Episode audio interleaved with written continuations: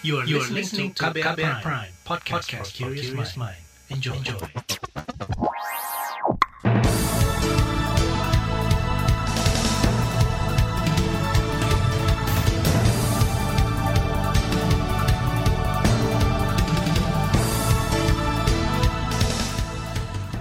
Selamat pagi. Saudara, senang sekali kami bisa menjumpai Anda kembali melalui program Buletin Pagi edisi Senin 22 November 2021 bersama saya Malika. Sejumlah informasi pilihan telah kami siapkan di antaranya Indonesia waspadai gelombang peningkatan kasus dan varian baru COVID-19. Kebocoran data pribadi bisa disalahgunakan teroris. Usai satu TNI tewas, aktivitas di Intan Jaya berangsur pulih. Inilah Buletin Pagi selengkapnya. Terbaru di Buletin Pagi.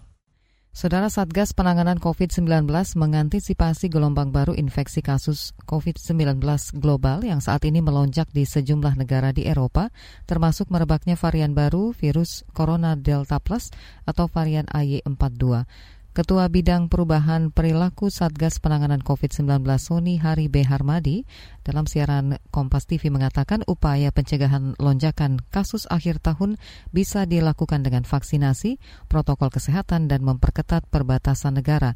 Di Indonesia saat ini cakupan vaksinasi dosis kedua sudah mencapai 42 persen atau 89 juta masyarakat dari total target 208 juta target vaksinasi Indonesia. Kita juga sangat berhati-hati terhadap munculnya varian baru. Ya, kita tahu bahwa varian baru uh, AY 4.2 itu sudah sampai di Singapura dan Malaysia sehingga kita harus memperketat perbatasan kita. Nah, masuknya varian baru kasus impor ini tentu bisa berdampak terhadap lonjakan kasus seperti yang kita alami dalam bulan Juli lalu karena didominasi oleh penularan uh, dari varian Delta. Oleh karenanya kita belajar tuh ya dari tiga hal tersebut Ketua Bidang Perubahan Perilaku Satgas COVID-19 Sony Hari mengatakan lonjakan kasus di negara-negara Eropa lantaran pelonggaran protokol kesehatan di antaranya mengizinkan orang tidak pakai masker di ruang publik hingga tidak menjaga jarak. Tercatat lebih dari 250-an juta total kasus COVID-19 secara global dengan kematian lebih 5 juta jiwa. Di Eropa terjadi 7 persen peningkatan kasus corona dan 10 persen peningkatan kematian. Pemerintah memperketat penjagaan pintu masuk kedatangan internasional guna mencegah peningkatan kasus COVID-19. Direktur Pencegahan dan Pengendalian Penyakit Menular Langsung Kementerian Kesehatan Siti Nadia Tarmizi mengatakan ada sejumlah syarat dan protokol kesehatan yang harus dilakukan oleh pelaku perjalanan internasional. Di antaranya pemeriksaan dokumen kesehatan seperti hasil PCR negatif, syarat vaksinasi hingga wajib karantina mandiri. Tidak pintu masuk negara yang kita buka ya kalau untuk perjalanan internasional ya. Cuma jelas pengetatan pintu masuk ya artinya bagaimana orang harus membawa eh, dan hasil PCR-nya harus negatif sebelum kedatangan tiga kali 24 jam kemudian saat dia adalah uh, sudah mendapatkan vaksin dua kali bisa menjalankan karantina selama tiga hari tapi kalau kemudian dia baru vaksin satu kali itu uh, baru bisa kemudian mendapatkan karantina lima hari. Direktur Pengendalian Penyakit Menular Kemenkes Siti Nadia menambahkan pengawasan ketat di pintu masuk kedatangan internasional melibatkan multisektoral sebab upaya pengetatan di pintu masuk negara juga melibatkan Satgas COVID-19 dan Kantor Kesehatan Pelabuhan KKP. Bagi pelaku perjalanan yang positif COVID-19, pemerintah akan melakukan pemeriksaan genom sequencing. Pemeriksaan itu bertujuan melihat adanya potensi varian baru virus corona, semisal subvarian AY42 yang tengah marak di Eropa. Pada kesempatan yang berbeda, Direktur Jenderal Pencegahan dan Pengendalian Penyakit Kemenkes Maxine Rain Rondonuwu menilai Indonesia memiliki kerentanan tersendiri dalam menghadapi situasi pandemi. Hal ini lantaran banyaknya pintu perjalanan internasional melalui jalur udara, darat maupun laut. Dia mencatat ada 35 bandara, 135 pelabuhan laut, dan 10 perlintasan lintas darat batas negara. Dia meminta semua pihak waspada meski kasus COVID-19 di Indonesia saat ini diklaim terkendali. Sebab kasus COVID-19 secara global mengalami peningkatan. Guna mengoptimalkan pengawasan di pintu masuk tanah air, Kementerian Perhubungan memastikan pemeriksaan PCR dokumen pelaku perjalanan internasional dan pembatasan jumlah negara yang bisa masuk ke Indonesia. Juru bicara Kemenhub Adita Irawati mengatakan aturan itu masih akan terus diberlakukan menyusul terjadinya eskalasi kasus COVID-19 di sejumlah negara percayalah ini adalah cara terbaik untuk kita bisa memisahkan orang yang datang itu jika nanti hasilnya negatif atau positif itu tidak berkumpul lagi gitu ketika mereka harus masuk ke tempat karantina tidak terjadi potensi penularan. Ini adalah uh, apa upaya-upaya screening. Di samping tentunya ketika bicara Kementerian Perhubungan ini hanya dibatasi 19 negara yang boleh memasukkan uh, warga negaranya atau orang penerbangan ke Indonesia ya direct flight dari luar. Itu tadi juru bicara Kemenhub Adita Irawati. Epidemiolog mengingatkan dampak libur Natal 2021 dan Tahun Baru 2022 diperkirakan akan menjadi masa yang cukup kritis untuk Indonesia pada kuartal pertama tahun depan. Ahli epidemiolog Universitas Griffith Australia Diki Budiman mengatakan perlu ada strategi proteksi untuk mencegah kasus perburukan di dalam negeri menghadapi varian baru Delta Plus atau AY42. Salah satu caranya dengan meningkatkan mekanisme screening pengetatan pintu masuk dengan masa karantina selama tujuh hari perlu dilakukan di pintu masuk negara ini adalah juga dengan memperkuat kriterianya dari masa karantina yang harusnya tetap tujuh hari dijaga di tujuh hari sampai kita bisa memastikan bahwa varian bahkan varian delta yang saat ini menjadi masalah di Eropa terbukti memang sudah bisa kita atasi dan dunia atasi Nah, itulah sebabnya masa karantina tujuh hari ini menjadi satu pilihan yang terus kita jaga. Epidemiolog Diki Budiman menambahkan pelaku perjalanan dari luar negeri harus memenuhi kriteria yang cukup ketat di antaranya sudah vaksin lengkap, menjalankan tes PCR dengan hasil negatif sebelum berangkat, dan setelah tiba di Indonesia sehari sebelum masa karantina selesai. Diki menyebut jika pemerintah mengizinkan pelaku perjalanan dengan satu dosis, dosis vaksin, maka masa karantina harus dua pekan. Ia juga menambahkan pemerintah harus bisa memperkuat sistem deteksi dini dengan menerapkan wajib lapor kepada setiap pelaku perjalanan dari luar negeri selama dua pekan setelah kedatangannya ke Indonesia agar termonitor dengan baik. Kebocoran data pribadi bisa disalahgunakan teroris. Informasi selengkapnya hadir sesaat lagi tetaplah di Buletin Pagi KBR. You're listening to KBR Pride, podcast for curious mind. Enjoy!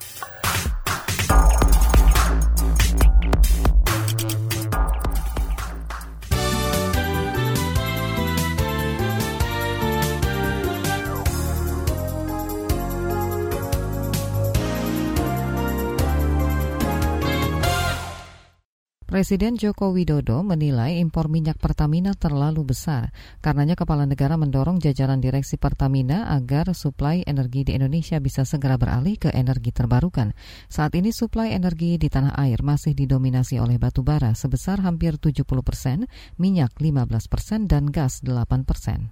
Goal besarnya adalah negara ini akan memperoleh keuntungan dalam bentuk neraca pembayaran kita yang sudah berpuluh-puluh tahun kita tidak bisa menyelesaikan karena problemnya impor minyak kita terlalu besar sekali. Dan itu mempengaruhi currency kita, mempengaruhi yang namanya kurs dolar kita.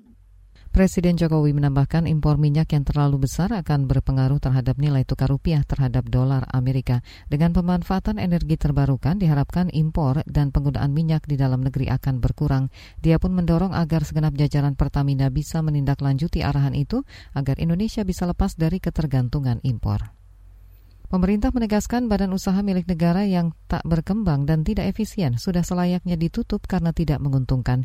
Ini disampaikan Menteri BUMN Erick Thohir saat kunjungan kerja ke gudang milik PT Perkebunan Nusantara 10 di Desa Ajung, Jember, Jawa Timur, Sabtu lalu.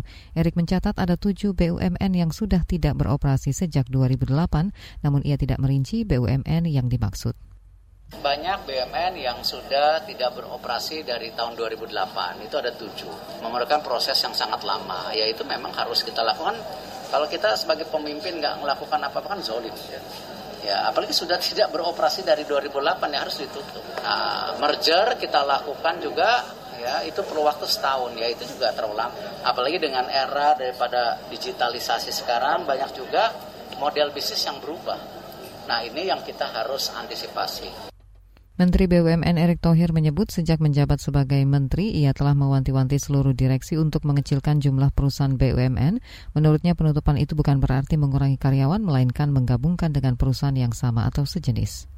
Lembaga Riset Siber Indonesia CISREC menilai kebocoran data pribadi berpotensi disalahgunakan oleh kelompok teroris. Ketua CISREC Pratama Persada mengatakan data itu bisa dimanfaatkan untuk menambah keanggotaan organisasi teroris. Karenanya kebocoran data yang marak terjadi dinilai berbahaya dan merugikan. Saya juga diskusi dengan uh, beberapa kawan di Komisi 1 DPR. Sekarang ada tren lagi nih gitu. Jadi data-data yang bocor itu uh, KTP, KK itu digunakan untuk daftar organisasi teroris. Jadi kemarin Densus gerbek menggerebek apa namanya organisasi teroris gitu, ada listnya banyak, ada KTP-nya banyak, dicek ternyata KTP yang digunakan KTP orang. Kan ngeri tiba-tiba uh, tiba-tiba kita didatangi Densus gitu, dibilang kita teroris, padahal kita nggak pernah melakukan apa-apa gitu. Pratama menuturkan kebocoran data juga kerap dimanfaatkan untuk mencuri PIN atau sandi data pribadi bahkan hingga penyalahgunaan untuk pinjaman online. Karena itu ia mendorong pemerintah dan DPR menyadari pentingnya Undang-Undang Perlindungan Data Pribadi untuk menjamin keamanan masyarakat. Undang-undang PDP dianggap dapat memberikan kepastian hak untuk keadilan serta pertanggungjawaban dari kasus-kasus kebocoran data pribadi. Praktisi pendidikan meminta Peraturan Menteri Pendidikan dan Kebudayaan Riset dan Teknologi tentang pencegahan dan penanganan kekerasan seksual PPKS di perguruan tinggi dikaji ulang. Ketua Umum Komite Hitah Nadatul Ulama 1926 Rohmat Wahab beralasan frase tanpa persetujuan korban bisa ditafsirkan ganda. Itu juga dianggap bermakna eksplisit atau ada hal yang disembunyikan. Nah inilah maksudnya bahwa kata-kata itu kalau ada orang menafsirkan yang lain tentu tidak salah. Karena itu harus difahami. Saya pikir tidak boleh kengkeng-kengkengan ya. Policy maker itu pokoknya begitu. Ya mohon maaf, kan tidak pernah dilakukan apa dengar pendapat dulu sebelum disahkan. Nah barangkali dengan uh, kondisi ini tentu ada langkah berikutnya. Rohmat Wahab menambahkan polemik Permendikbud PPKS disebabkan Kemendikbud tidak menggandeng pihak terkait atau pihak yang menggunakan aturan itu.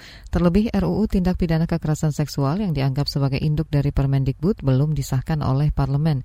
Definisi kekerasan seksual di pasal 5 ayat 2 Permendikbud mencantumkan tolak ukur pada persetujuan korban kekerasan seksual. Kita ke informasi mancanegara, pemerintah Taliban mulai Sabtu membayarkan gaji para pegawai negeri Afghanistan yang tertunda beberapa bulan. Pejabat setempat mengatakan ribuan pegawai, pegawai negeri Afghanistan sudah selama tiga bulan terakhir tidak menerima gaji.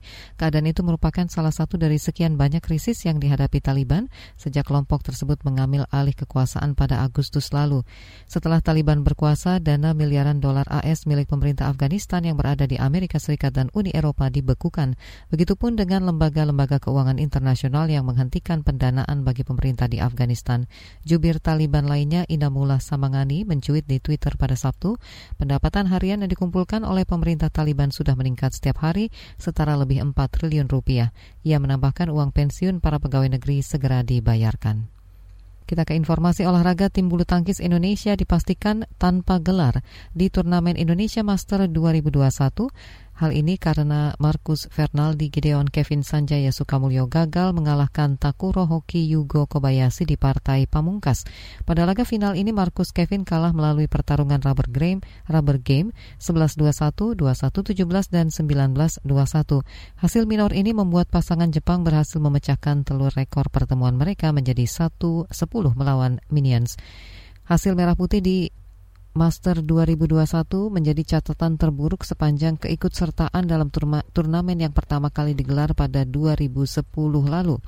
Dalam keikutsertaannya di Indonesia, Indonesia Master, Merah Putih kerap membawa pulang lebih dari satu gelar dalam turnamen yang kini naik level menjadi Super 750 tersebut. Di bagian berikutnya kami hadirkan laporan khas KBR bertajuk Banjarmasin menuju kota inklusi. Nantikan sesaat lagi. You're listening to KBR Pride, podcast for curious mind. Enjoy!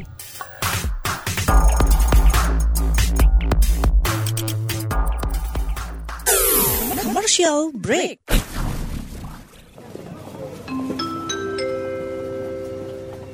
Mohon perhatian. Panggilan terakhir penumpang Trending Air dengan nomor penerbangan WT0101 dipersilakan segera mendengarkan podcast What's Trending melalui Spotify. Karena podcast What's Trending sekarang ada di playlist teman perjalananmu. Selamat menikmati. Terima kasih.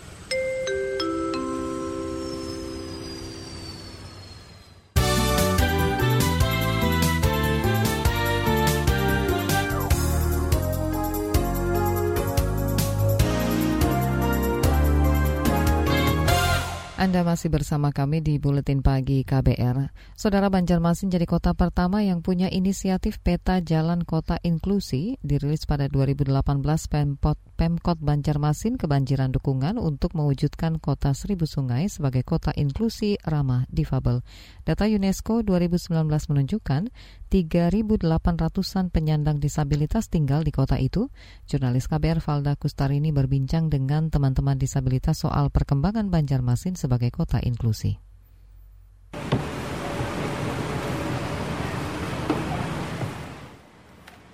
Fitriah berjalan perlahan dengan tongkat di tangannya. Perempuan usia 35 tahun itu berjalan dekat blok penuntun untuk tunanetra.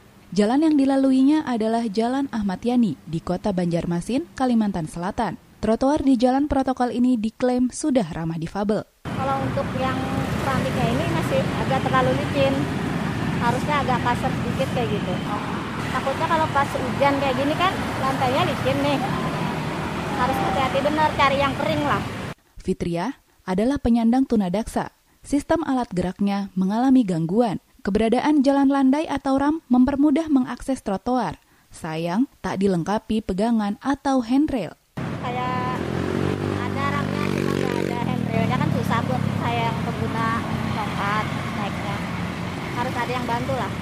Lain halnya kalau sudah ada ram kayak gini ada handle-nya itu nggak perlu dibantu juga nggak masalah Trotoar Jalan Ahmad Yani dibangun dengan desain ramah difabel sejak 2019. Total panjangnya kini mencapai 12 km. Menurut Fitria, selama beberapa tahun terakhir, fasilitas publik sudah nyaman diakses para difabel, tapi baru sebagian saja. Kayak di kecamatan itu sudah ramah disabilitas pumpnya ada handle-nya ada di pasar Pekauman sih kan masih pakai keramik cuma keramiknya licin kayak gini juga nggak ada yang glazing block kayak gitu nggak ada Catatan lain datang dari Selamat, difabel netra yang juga ketua Perkumpulan Penyandang Disabilitas Indonesia, Kota Banjarmasin. Ia sudah 13 tahun tinggal di sini. Perkembangan fasilitas publik makin inklusif. Cuma yang kadang-kadang agak mengkhawatirkan keselamatannya itu teman-teman pengguna kursi roda ram atau bidang miring untuk naik baik di kelurahan baik di trotoar-trotoar itu pun kami bilang sangat curam belum landai Akses mobilitas masih jadi problem di Banjarmasin. Fitria dan Selamat memilih untuk pakai motor roda tiga hasil modifikasi sendiri ketimbang pakai angkutan umum. Meski ada tantangan menanti, cari tempat parkir. Tapi sebagian kecil dari eh, tempat parkir kebanyakan memang tidak ada bahkan dibilang oleh masyarakat wah ini mengganggu aja ini motornya kegedean. Kita meninjau program pelaksanaan TUMI kerjasama dengan program TUMI secara internasional. Terima kasih banyak.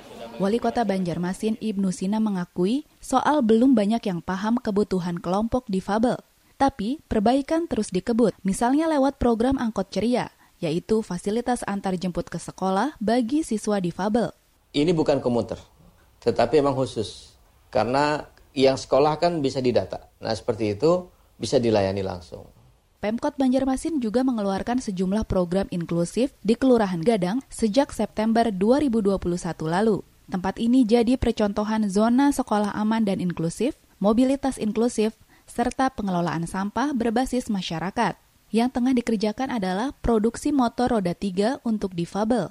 Walaupun hanya berupa prototipe ya, prototipe yang kemudian dimanfaatkan. Nah, tapi kalau untuk produksi massalnya kan sebetulnya bisa untuk mereka misalnya mobilitasnya tidak tergantung dengan misalnya angkutan umum.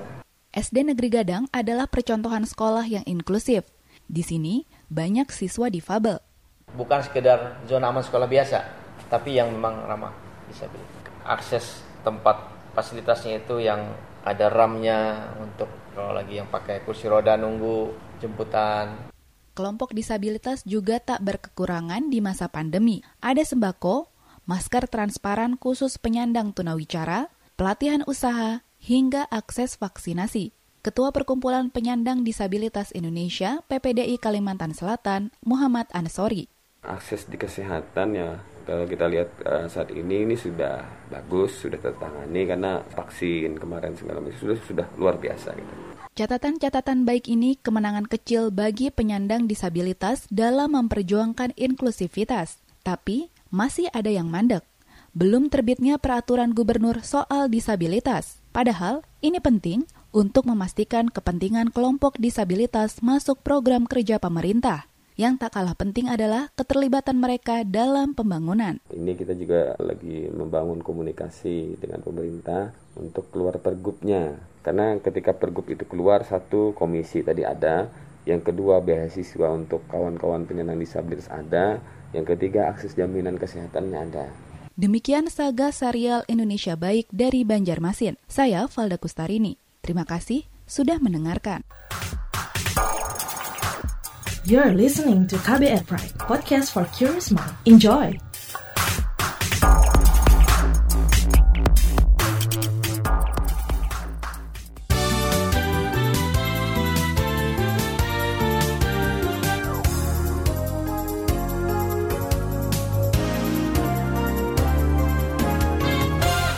Inilah bagian akhir buletin pagi KBR. Pemerintah optimistis pertumbuhan ekonomi di Nusa Tenggara Barat NTB akan tumbuh 5 persen lebih pada tahun ini. Hal itu dipicu perhelatan balap motor internasional World Superbike WSBK di sirkuit Mandalika Lombok NTB. Menteri Koordinator Bidang Maritim dan Investasi Luhut Binsar Panjaitan mengatakan okupansi atau tingkat keterisian hunian hotel dan homestay di NTB cukup tinggi dengan kenaikan harga tiga kali lipat. Peningkatan diiringi tingginya permintaan jasa sewa kendaraan hingga kunjungan wisatawan. NTB saya kira akan menikmati nasional juga tentu akan kebagian dan tapi secara khusus NTB pertumbuhan ekonominya saya kira sekarang sudah bisa 5% lebih dan kita dalam keadaan anu ya dalam keadaan apa pandemi. Luhut berharap ajang balap motor internasional di sirkuit Mandalika yang merupakan kawasan ekonomi khusus dapat mendongkrak ekonomi NTB serta berimbas pada perekonomian nasional. Pasca kontak tembak antara aparat gabungan TNI Polri dan kelompok bersenjata di Sugapa, Intan Jaya, Papua, warga kembali melaksanakan aktivitas seperti biasa, kondisi berangsur pulih, sejumlah toko dan pasar juga kembali buka. Namun aparat gabungan TNI Polri masih rutin berpatroli dan siaga di beberapa lokasi rawan. Kapolsek Sugapa, Ibda Angel Mayor berharap wilayahnya dapat segera kembali normal. Sebelumnya terjadi penyerangan Mapolsek Sugapa dan kontak tembak antara aparat gabungan TNI Polri dengan kelompok kriminal bersenjata yang diduga dipimpin Ten, Tendius Guijangge. Kontak tembak menewaskan du, dua orang, Sertu Aribaskoro dan Komandan Koramil Susu, Suru-Suru Arfiandi. Pemerintah Provinsi Jawa Tengah mengumumkan kenaikan upah minimum hanya 0,78 persen menjadi 1,8 juta rupiah atau lebih sedikit dibanding ketetapan Kementerian Tenaga Kerja dan Transmigrasi yang menaikkan 1,09 persen. Ketua Umum Federasi Serikat Buruh Persatuan Indonesia FSBPI Dian Septi Trisnanti mengatakan hal itu tidak sesuai dengan kebutuhan real kaum buruh. Kedua, dengan kebijakan yang sebelumnya membolehkan pengurangan upah selama pandemi, bahkan boleh tidak naik di UMP 2021, serta sekarang di UMP 2022 hanya 1,09 persen, artinya negara sedang melepaskan tanggung jawabnya terhadap buruh dan mencoret pentingnya daya beli buruh dalam proses pemulihan ekonomi negara. Nggak heran sih, karena mayoritas pemangku jabatan di negeri ini adalah pelaku bisnis, sehingga kacamatanya pun kacamata bisnis. Dian menambahkan berdasarkan survei kehidupan layak di wilayah itu meningkat 16 persen karena merosotnya daya beli buruh yang tercermin dari angka konsumsi rumah tangga yang anjlok lebih dari 10 persen. Informasi tadi menutup jumpa kita di Buletin Pagi hari ini. Pantau juga informasi terbaru melalui kabar baru situs kbr.id, Twitter kami di akun @beritaKBR, serta podcast di alamat kbrprime.id.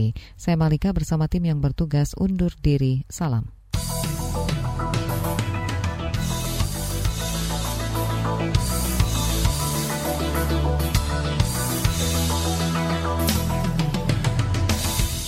KBR Prime, cara asik mendengar berita. KBR Prime, podcast for curious mind.